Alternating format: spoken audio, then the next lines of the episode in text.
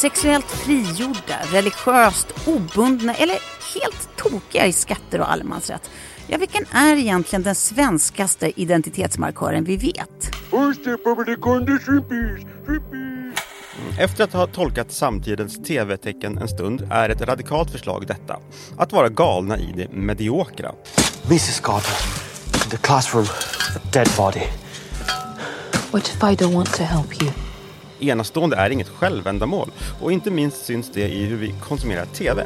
Häng med när vi på runt 20 minuter låter Netflix Who is Erin Carter leda oss till alldeles för stora slutsatser trots alldeles för små insatser när vi ställer oss frågan Tycker vi svenskar trots allt att lagom är bäst? Okay. Clean up what you can. We've got maybe 50 minutes to tidy up and get the fucking body out of here. Jag heter Tove Nordström. Och jag heter Elias Björkman och det här är Dagens Story TV-kollen från Svenska Dagbladet.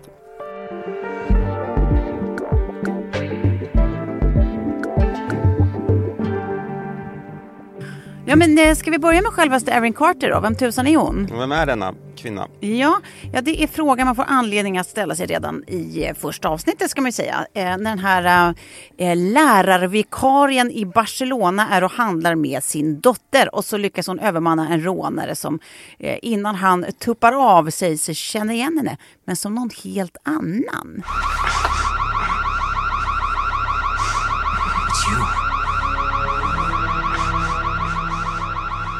Mm. Och det visar sig så småningom att eh, hon har ju då ett förflutet som hon av eh, flera olika anledningar inte vill kännas vid. Men som, eh, som det har en fallenhet att göra i såna här typer av serier, det letar sig ändå längre och längre in i det här nya livet hon har skapat sig. Och det blir eh, tung kriminalitet, det blir våld, det blir mord, det blir svek och alla grejerna.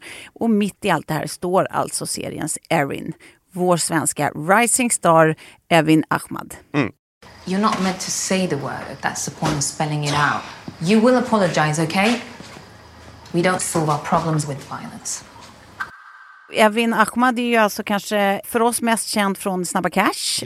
Men hon har ju hunnit med en hel del. Ett öga rött, The Rain, Ring mamma och så vidare. Det är både filmer och serier. Och en inte helt unik gissning är att hon har en hel del kvar att ge. Sannolikt även på en internationell filmarena. Om man Mm. tänker den här Netflix-effekten som till exempel Young Royals. Just det. Eh, de, de stjärnorna från Young Royals, tack vare Netflix så satt ju de plötsligt i tv-soffan på amerikanska talkshows. Mm. Och spanjorer var, blev kära i dem. Alla möjliga Ja, visst. nationaliteter. Ja, De blev stora. Så det finns ju en highway to international stardom. Mm. Eh, nu senast fick ju även också en kristall. Vi är på first name basis med varandra redan som du hör. eh, och eh, nej, men jag, tr- jag, jag tror inte att det här kristallen-talet, tacktalet var det sista tacktalet hon, hon Nej. kommer få hålla. Det var för just Snabba Cash. Ja, det var för just eh, snabba cash. Mm. Men vet du vad som är tur? Det är att när morsan blir fett rik kommer vi kunna köpa tusen sådana där bilar. Ja, men det är intressant det här med eh, Netflix-effekten som du nämner. Den Mm. här serien har ju legat etta i, på Netflix i hela världen i en vecka. Det är ganska mastigt. Det är mastigt och liksom den har setts 90 miljoner timmar. 15 miljoner tittningar uppger Netflix. Alltså det här går inte att kontrollera men det här är deras sätt då. Mm, De räknar med typ att man har sett fem minuter av det. 15 miljoner tittningar, det tycker jag ändå oavsett låter eh, jättesaftigt. Jag förstår att det är en siffra de gärna vill lyfta. Eh, 15,8 till och med. Så det är ju spännande när, när, det är en sån här serie med sådana som vi tycker att vi känner då, mm, Ja. svenskar är så stor på, på Netflix i hela världen. Nu, nu blir den ner- nerputtad här men publiken har ju tagit den till sig helt enkelt. Och i Sverige så är den fortfarande på etta tror jag. Men eh, kritikerna har väl varit, eh, de tyckte väl inte att det här var superskoj. Mm. Eh, som max har den fått lite så här ljummet. Det får man verkligen säga. Ljummet till sågningar, ungefär så. Både Rotten Tomatoes och IMDB eh, tycks ju ganska överens om eh, Ja. Vil- vilket betyg de vill ge den här serien. Vem är Erin Carter? Det, den verkliga frågan, vem bryr sig? Det är liksom en ganska typisk rubrik på sådana här recensioner. Den, den var från The Guardian. Men som sagt, tittarna älskar eh, Evin Ahmads eh, brittiska brytning. Väldigt brittisk. Mm, den är otroligt brittisk. Väldigt bra.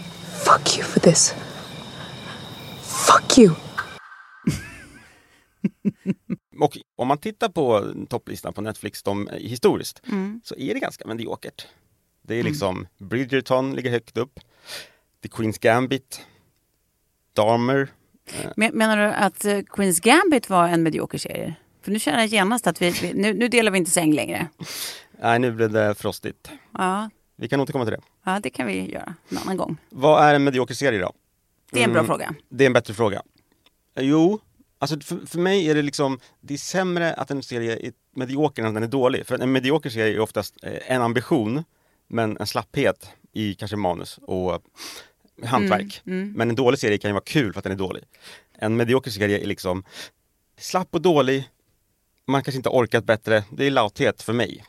Och ja men där skulle jag ändå säga att Queens Gambit Hammar. hamnar. Ja, eh, let's agree to disagree. Eh, det, det tycker jag absolut inte. Nej. Men det, ja men precis, alltså, eller jag, jag tänker att min definition av en medioker serie är en serie som ofta eh, hittar liksom, eh, vad ska man säga, tittare men inte nödvändigtvis eh, goda recensioner.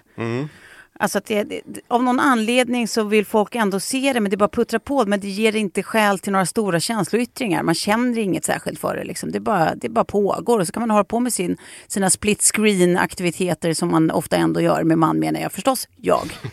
Ehm, men, det, men det finns ju liksom en hel del mediokra serier, även om inte vi uppenbarligen var överens om vilka. Eh, om man summerar då den senaste tidens olika topplistor. Eh, om vi då accepterar min definition av, av medioker. Jag, accepterar den. Det är ju det där att det bara pågår. Det är där, det, du, där har du liksom nailat den. Ja, och då vill jag put into evidence hitserier också som eh, Ginny and Georgia, som också låg på topplistorna Mm. hur länge som helst.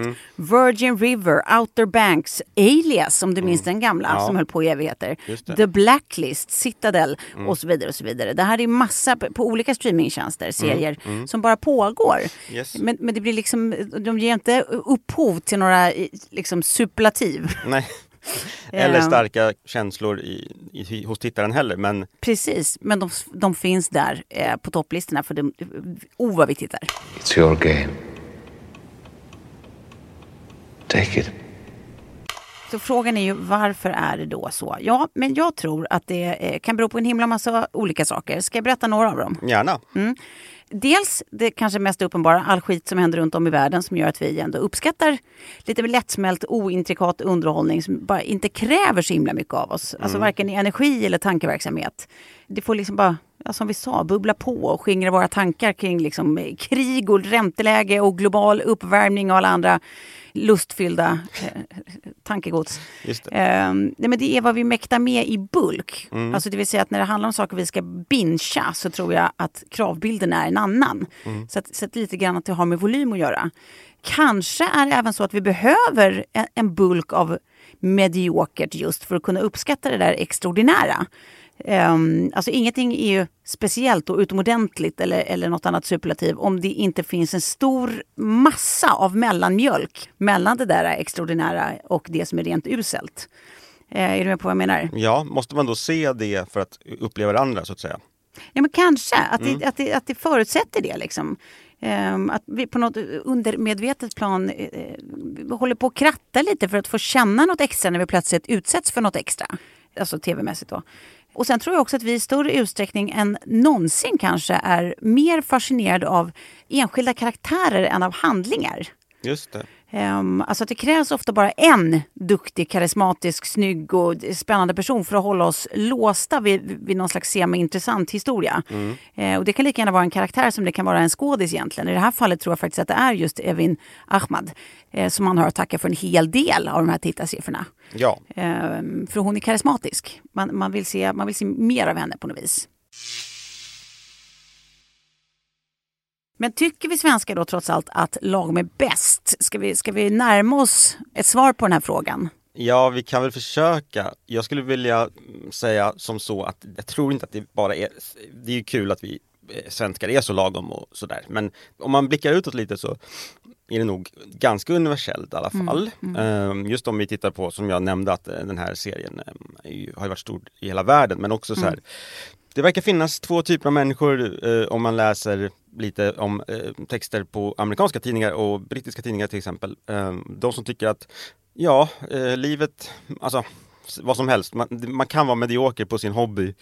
Det var någon som skrev en text, ganska intressant i New York Times om att liksom Eh, nu för tiden ska alla vara liksom, eh, man ska ha sitt jobb och sen ska man ha en hobby som man ska också vara jättebra på. Alltså expert, eh, jätteduktig. Men att den här personen tyckte, men kan vi inte bara liksom en hobby på fritiden, då kan man få vara medioker på. Ja. Eh, så det finns den typen av människor som är så här tycker att man, ja det är medioker, vi ska vara glada att det finns typ, alltså att man kan nöja Ja. sig med det och att om man nöjer sig med det så kommer du bli tillfreds. Och sen finns det väl de som menar att man inte ska låta sig nöjas med det mediokra utan Mm. att det är eh, eh, liksom att ge upp lite kanske.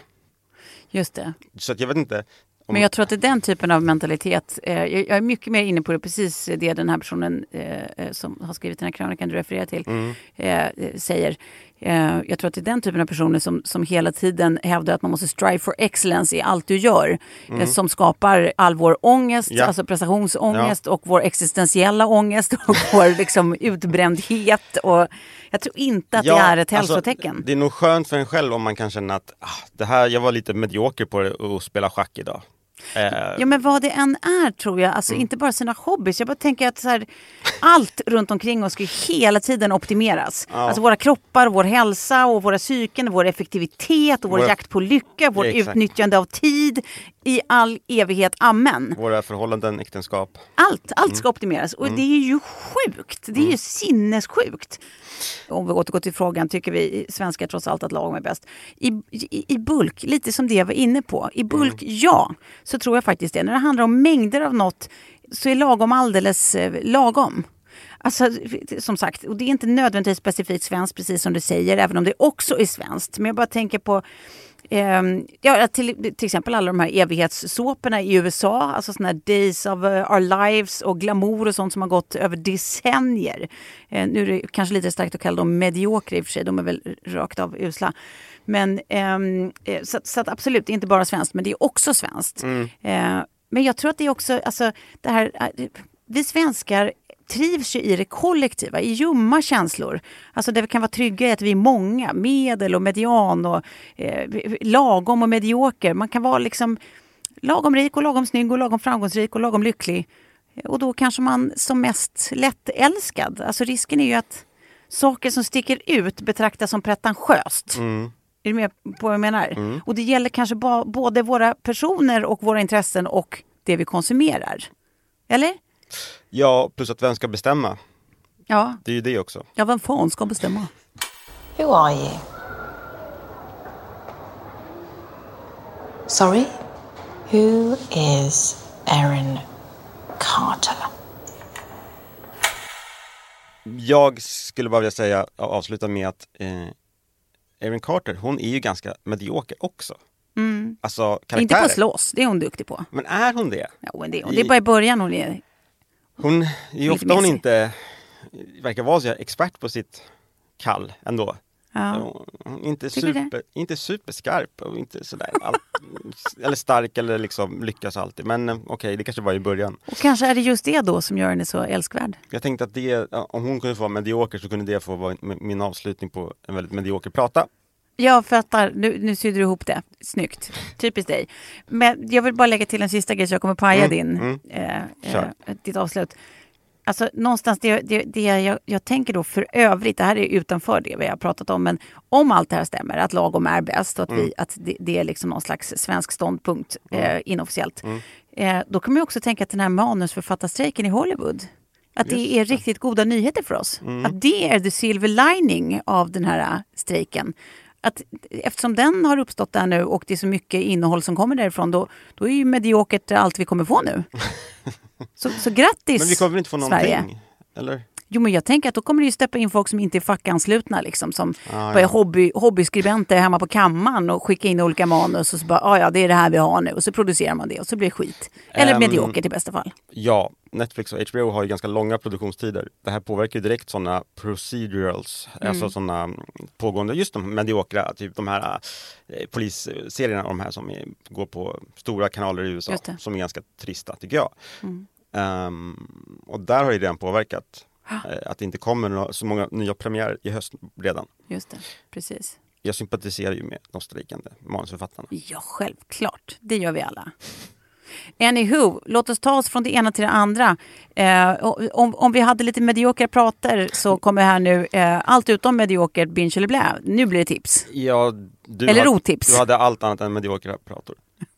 Binge eller blä?